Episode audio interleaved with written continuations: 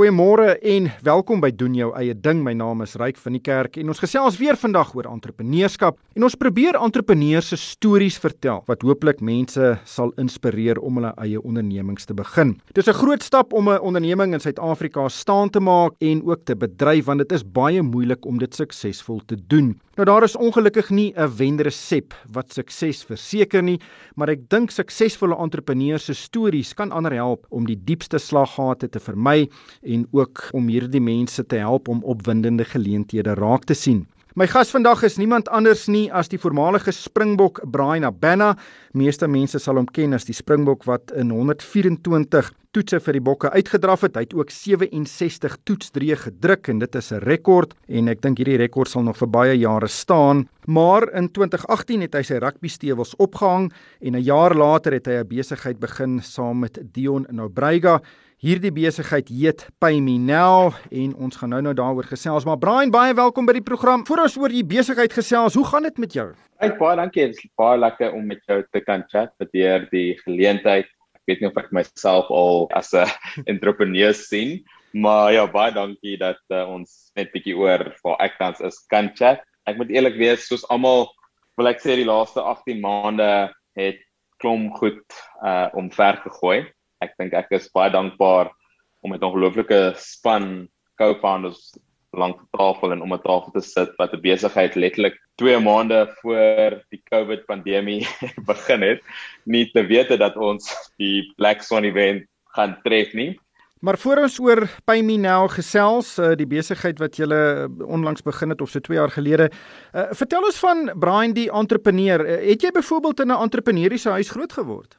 Ek sal nie sê ek het in 'n entrepreneuriese huis groot geword nie. My pa was 'n baie suksesvolle sakeman. Hy was 'n divisionele bestuurder by die Shoprite Checkers groep vir lank ruk. My ma was in die onderwysdepartement in Gauteng. Ek dink vir ons dit was die opvoeding van die belangrikheid van leer en skool toe gaan en vir jouself 'n fondasie te kan gee waartoe jy in die wêreld kan intree was bitter belangrik. My pa het altyd al het ek presteer in sport of myself wil net heeltyd op die rugbyveld of atletiekbaan wil spandeer het hy altyd die dissipline van 'n werksetiek rakende op jou opvoeding voor in dag gelê. En ek dink dit het my in 'n goeie staat gevat. Ek dink 16 17 jaar se rugby CV gaan nie noodwendig vir jou 'n suksesvolle lewe na professionele sport gee nie maar ek dink daar's baie vaardighede wat 'n mens in professionele sport leer wat as dit goed toegepas word in die regte lewe,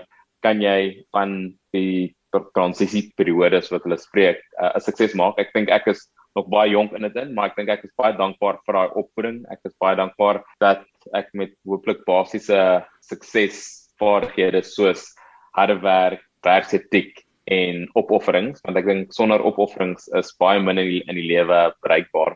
Ja, ek dink elke enkele entrepreneur in die wêreld sal vir jou sê harde werk is uh, een van die belangrikste dinge wat jy moet bereid wees om te doen om suksesvol te wees. Maar nie baie rugby spelers en eintlik sportmense en vroue kan die oorgang maak van die sportveld na die direksiesaal toe nie. Was dit altyd hmm. jou plan om na rugby jou eie besigheid te begin eerder as om byvoorbeeld vir 'n groot maatskappy te gaan werk nie? Ek sal nie sê dit was my eie beplanning nie, reg? Ek dink ons het almal as jy 'n professionele atleet is en jy's al vir jou eie baas, dink 'n mens beoog dat jy dalk in die lewe na rugby jou eie baas wil wees. Ek dink die grootste skok wat jy kry as professionele atleet as jy uittreë uit wat ek al jou sportsoort is is die finansiële perspektief jy gaan van iemand wat potensieel die salaris van 'n CEO van 'n maatskappy verdien en jy begin heeltemal onder en julle sport CV kan nie noodwendig vir jou 'n PowerPoint presentation of 'n Excel spreadsheet laat lees nie. So daar is basiese vaardighede wat 'n mens deur jou loopbaan en ek het myself kraai leer om met groot brands te kan werk dat jy jouself opvoed en ek dink daar is 'n paar dinge wat ek dink uitstaan vir elkeen maar ek dink die manier om jouself heeltyd op te voed en te leer is iets wat elke enkele entrepreneur voor 'n dag bring. Nie net om gemaklik te wees met wat jou tans is om te kyk na geleenthede maar jy moet ook kan weet wat jy oor praat of wat jy wil doen want hoe meer jy dit meester ek dink hoe beter kan jy sukses van iets bereik. Kom ons gesels oor Spyminel, ek weet jy's ook betrokke by 'n ander besigheid Retroactive, maar uh, jy het in 2018 afgetree. 'n Jaar later het jy 'n besigheid saam met uh, Dion Noubreiga begin, dis Spyminel. Vertel ons van hoe jy nou by hom uitgekom het en die besigheid begin het. So ek en Dion het baie lank geskiedenis. Ons was kamermaats op universiteit op RAI. Dion het prit geswat, dit's ingenieurswese met IT. Ek het net IT geswat. Rugby het toe al begin opwaartse kerwe vir my begin op universiteit op RAI en ek het toe nie my BSc IT graad gemaak nie, maar Dion het sy honeurs in prit gemaak. So ons het 'n baie langtermynverhouding in terme van 'n vriendskap, 'n baie betroubare vriendskap wat ons ook self het. En Dion het my benader in 2019. Ek was al nog steeds besig in 'n jaar van discovery in terme van nou net uitgetree. Ek was besig om ambassadeurskap werk vir HSBC en Mastercard te doen, bietjie televisiewerk in Europa. En ek hoef nie noodwendig in iets spesifiek te gaan nie. Ek het ook met Mike Sharman Retroactive 'n digitale sportbemarkingagentskap begin. Maar te deel met die konsep van die earned wage access model vandag gebring het was ek al bietjie skepties oor alles. Hy het dalk twee keer van tevore 'n uh, besigheidsgeleentheid na my toe gebring wat ek heeltemal afgeskiet het want ek het nie gedink gaan werk nie maar die hele earned wage access model wat regtig besig was om sukses te bereik in lande soos die FSA en Engeland het my regtig net begin besef of wat dalk 'n geleentheid is in Suid-Afrika om dit te doen. Ek was baie skepties, ek was baie dalk negatief net in terme van lending en die groot gat waarin baie mense hulle self bevind net teenoor lenings en die mikrolenings en en die huidige stand van sake in Suid-Afrika, veral in 'n developing market ekonomie.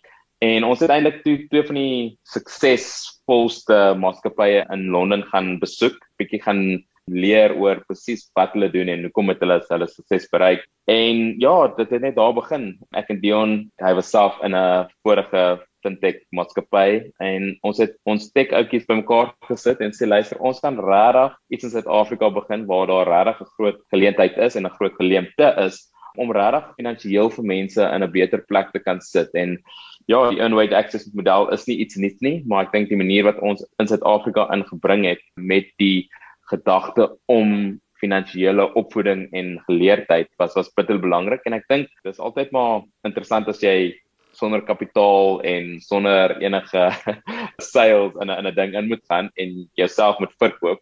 As rugby speler was baie maklik om myself te verkoop, maar ewe skielik verkoop jy 'n produk of 'n konsep wat baie mense afskrik en in 'n tyd van COVID waar maatskappye hulle staf en employees wil beskerm, en die laaste ding wat hulle eintlik wil doen is nog 'n implementasie te doen op hulle payroll. Wat dit baie baie uitdagend, maar ek dink met die span wat ons het en ek dink die tipe tegnologie wat ons gebruik het en om ook 'n eerste in Suid-Afrika te wees vir hierdie tipe model. Ons is nog ver van waar ons wil wees, maar ja, dit is dis opwindend om om met jou eerlik te wees. Soos ek die besigheid verstaan, gee dit vir werknemers die geleentheid om van hulle salaris te trek voor die einde van die maand, maar wat hulle reeds verdien het. Sê nou maar aan die einde van die maand hulle geld kry, dan kan hulle op die 15de 'n deel van hulle salaris uh, kry wat hulle reeds verdien het omdat hulle het daai 15 dae gewerk eerder byvoorbeeld as om dit nou by 'n instelling te gaan leen.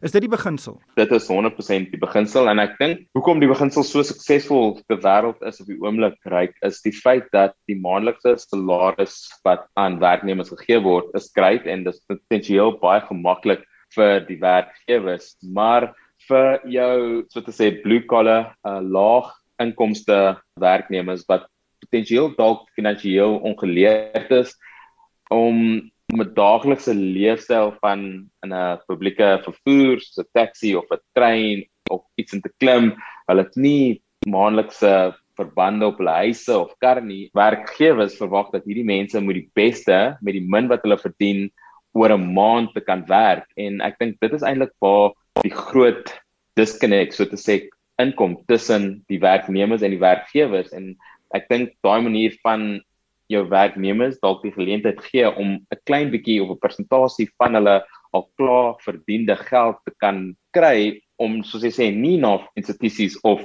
leners toe te gaan om dit te kan werk sodat hulle hulle self nie verder in die skuld in kan kry. Ja, moet sê dit gee baie positiwiteit aan die werknemers en sodoende ook regtig baie teruggee aan die aan die maatskappy. Ek gesels met Brian Nabana, die voormalige Springbok eh, rugby speler en ons gesels oor sy uh, nuwe lewe as entrepreneur en ons gesels oor sy betrokkeheid by die besigheid PayMe Now. Maar Brian, dis 'n interessante konsep en wie is julle kliënte? Is dit 'n uh, werknemers wat graag toegang wil kry tot geld wat hulle reeds verdien het of is dit die werkgewers wat julle moet oortuig? Ryk ons ons huidige model is 'n B2B2C, uh, so dis aan die aan die werkgewers. Die rede daarvoor is dat die pay me now gedeelte van 'n salaris eintlik van 'n salaris aan die einde van die maand afgetrek word, maar om dit te doen, moet ons integreer met die werkgewer se payroll-stelsel. Sodoende ons verkoop aan besighede wat dan verder aan hulle werknemers die geleentheid gee om hulle self in 'n finansiële beter posisie te sit. Ons kyk op hierdie oomblik na ons op ons product roadmap of product journey om dalk 'n B2C model te werk, maar ek dink om die konsep almal in besigheid soek dalk finansiëel om om te break even want dit beteken dat jy dalk 'n baie suksesvolle produk of konsep is, maar op hierdie oomblik is dit die B2B2C offering wat ons hopelik op 'n stadium en 'n tipe van 'n prepaid model kan kan vorentoe laat werk, maar ons vra op hierdie oomblik eers die fondasie van van die besigheid suksesvol te laat bereik. Ja, B2B2C beteken natuurlik dit is uh, twee besighede wat met mekaar sake doen. Dit sal nou by Minel wees wat met 'n ander besigheid uh, sake doen en dan sal die ander besigheid met sy werknemers eerder uh, besigheid doen. 'n Baie interessante konsep. Um, maar hoe is hierdie produk al aanvaar? Want ek kan dink baie ondernemings sal dink as 'n mens vir werknemers toegang tot hulle geld gee voor betaaldag, al wat jy doen is jy skep probleme vir hulle later. Kyk, dit is 'n baie moeilike aanvanklike intrede of ontwikkeling in terme van die geselskap met die HR of die menslike hulpbron direkteure, jou jou CFO's, jou finansiële jou chief financial officers. En dit is daai konsep van as 'n werkgewer is jy eintlik bang om jou werknemer in 'n slegte finansiële posisie te sit aan die einde van die maand. Maar ek dink vir ons regtig oor die laaste 18 maande en mense begin klein, jy gaan na familie en vriende toe wat al besighede besit en jy begin klein om dit regtig 'n tipe pilot op 'n proof of concept model te laat werk om te sien dat hierdie konsep regtig te werk is. Maar ek dink wat ons gesien het oor die laaste 18 maande en ons het tans op die oomblik net so onder die 50000 mense wat toegang het tot Paymina deur hulle hulle werkgewers is ek dink daar's twee goed wat ons regtig passief maak oor die konsep van die earned wage access model. Ek dink dit is om mense se terugvoering te hoor as werknemers om te sê ewe skielik het hulle hulle integriteit en half dignity teruggekry want hulle het eintlik toegang tot 'n persentasie van hulle geld wat hulle gekry het. En ons as by Minal jy kan nie toegang kry tot 100% van geld wat vir jou klaar gewerk het.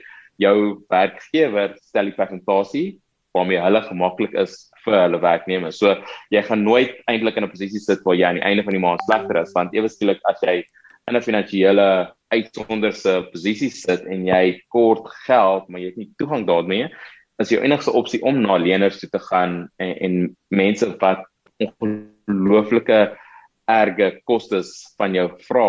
Op hierdie oomblik ons is verniet vir die maatskappye en die werknemers betaal 'n klein voetjie om toegang te kry tot daai geld Ja, daar's baie van hierdie betaaldag leningsdienste of uh, payday microloans uh, besighede ook in Suid-Afrika en dit is 'n interessante dinamika, maar ek is seker daar's 'n hele klomp rolspelers wat jy ook moet raadpleeg soos byvoorbeeld vakbonde. Het jy al verhoudings opgebou met vakbonde en wat is hulle siening oor die produk? Ja, kyk, ons het twee van die die grootste prokureursfirma in Suid-Afrika in terme van die die NCA, die, die National Credit Act uh, mee gechat net om die opinies oor mense toegang te gee tot die geld wat hulle eintlik al klaar verdien het op 'n daaglikse basis.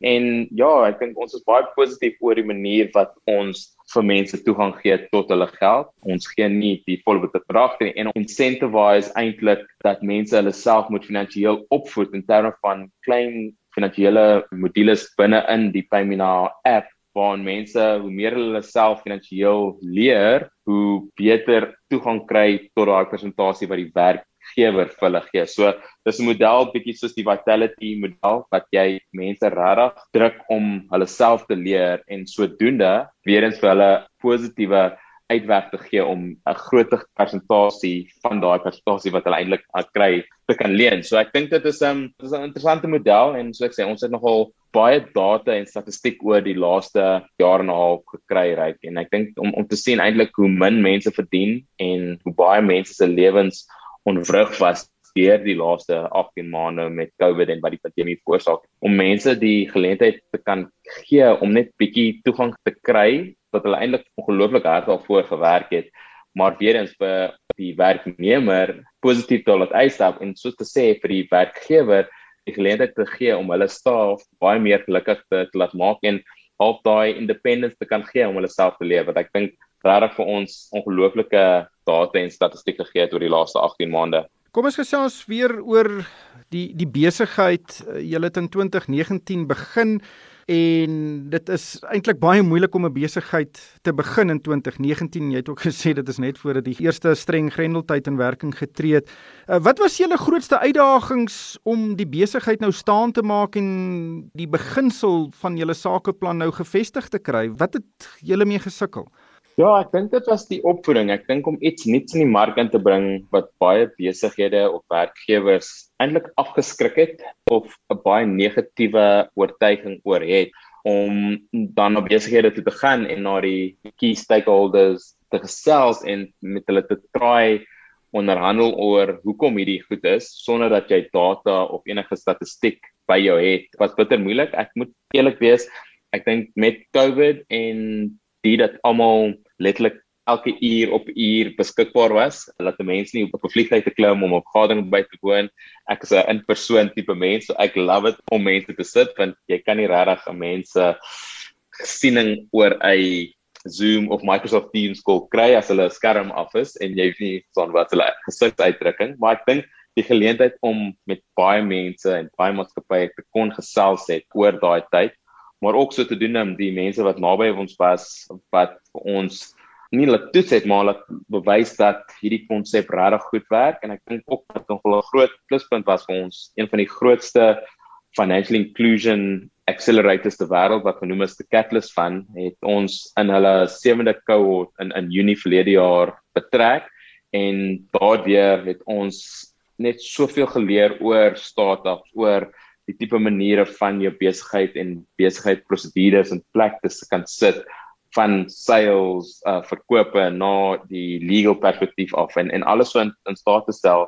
En ewe skielik is jy in hierdie ongelooflike ervare groep ingetrek wat financial inclusion op hulle core het en ek dink dit het vir ons nogal baie beteken in ons groei en ook vir ons laat wys dat ons produk regtig 'n tipe besigheid is wat for good is en regtig vir mense hooplik in beter posisies te laat stel. So dis 'n nogal interessante journey en ons is ver van waar ons wil wees. Ons wil die volgende 2 tot 3 jaar wil ons omtrent tussen 500 en, en 600 000 werknemers in Suid-Afrika te kry wat toegang het tot by my nou en ek sê ons is op opwerkskerwe op die oomblik, maar uh, ons ver waar ons wil wil, wil wees reg.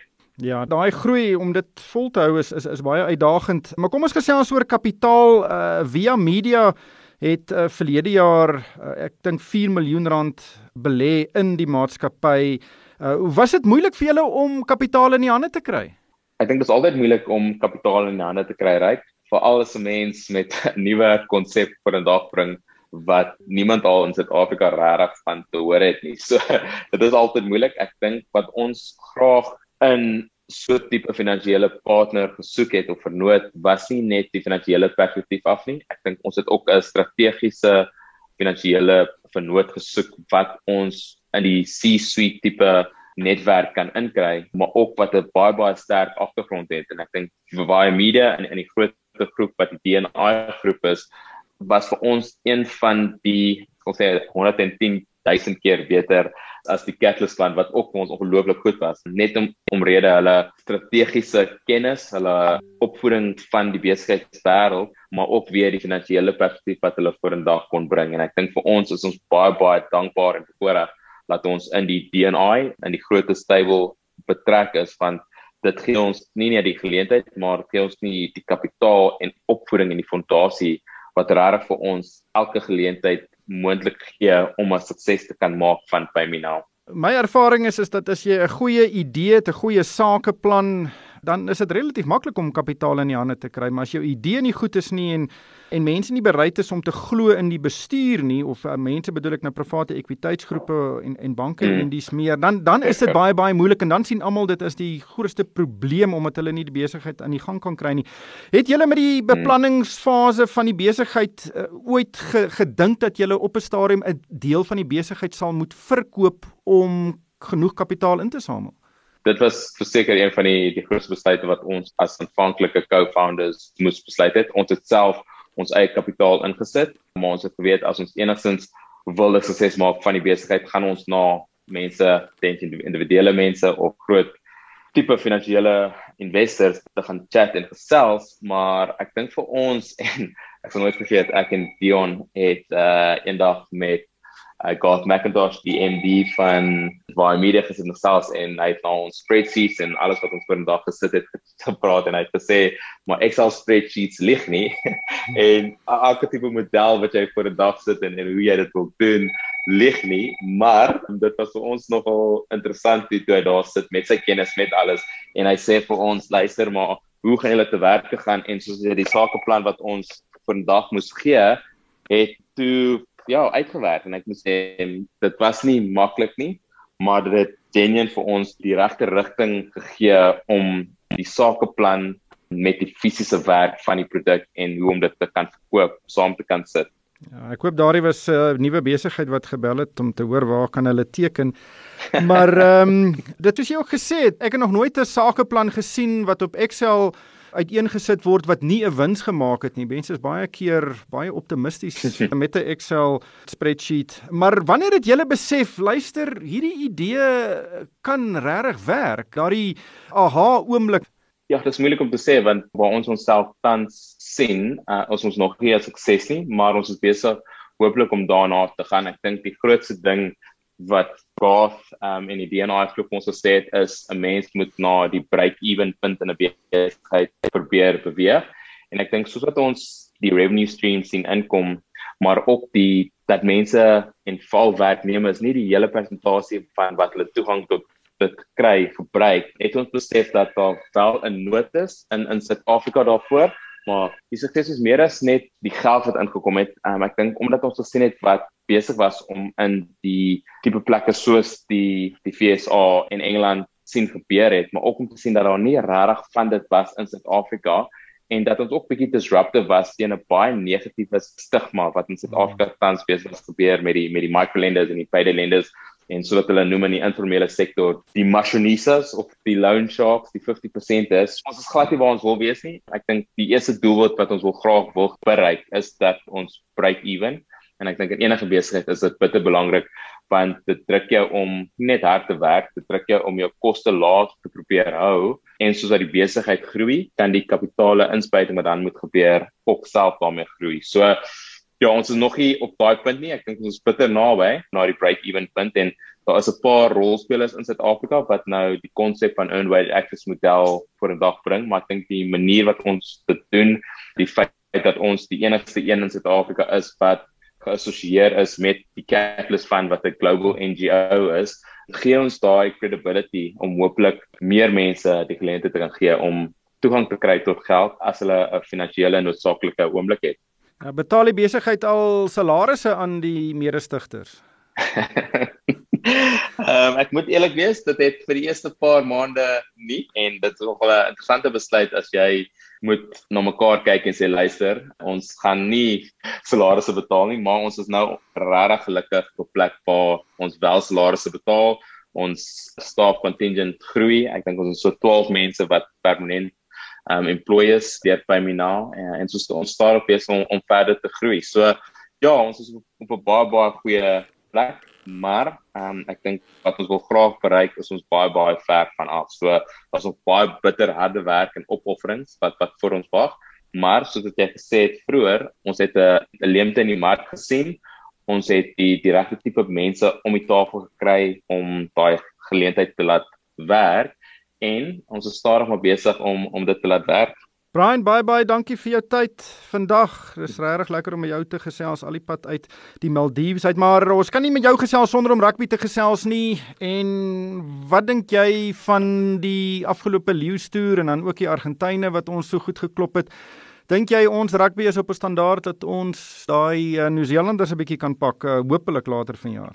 Ja, yeah, ek moet sê ek was betrokke met Sky Sports deur die Lions reeks en ek was een van die gelukkiges wat in die stadion was toe die bokke dit bereik het. Ek was ook self in Japan in 2019 ek, en ek dink wat Rassie Jacques Naber en Sepolisie en sy span oor die laaste 2 en 'n half jaar bereik het, dis was iets ongelooflik. Ek dink ek dink dit was 19 maande sonder internasionale rugby te gaan en in 'n Britse en East League toer te betree met hulle net een opwarmingsgame teen Georgia en dit te kan wen en ek dink baie mense praat op die oomblik oor die manier waarop die bokke speel en ek dink hulle speel tot by hulle sterkpunte en hulle doen dit ongelooflik goed op die oomblik. Ek dink om ander spanne se aanval met een van die beste defense stelsels ter wêreld te bereik is is iets besonderlik. Ja, ek was ongelooflik trots om in daai stadion te gesit het en te sien hoe Sia en sy span geskiedenis bereik dan van 'n leus reeks en ja om dit te kan doen ek moet sê dit het mense nogal hooplik bietjie 'n tydperk van verligting te mm. gee in wat was 'n uh, ongelooflike moeilike tyd en is tans 'n ongelooflike moeilike tyd in Suid-Afrika ek sê ek was nogal ongelooflik trots Suid-Afrikaans Ja, ek dink die All Blacks uh, sal dit nie er sommer erken nie, maar ek dink hulle is ook 'n bietjie bang vir uh, wat dalk na hulle kant toe kan kom. maar Brian baie dankie en sterkte daar met jou lewe as 'n entrepreneur en hooplik gesels ons binnekort weer oor die groot suksesse wat jy behaal. Baie dankie. Baie dankie, Ryk. Dit was dan Brian Abena, die voormalige Springbok rugby speler en deesdae entrepreneur. 'n Potgooi van die program sal 'n bietjie later beskikbaar wees by rsg.co.za en ook by moneyweb.co.za. En daarmee moet ons groet van my ryk van die kerk. Dankie vir die saamluister.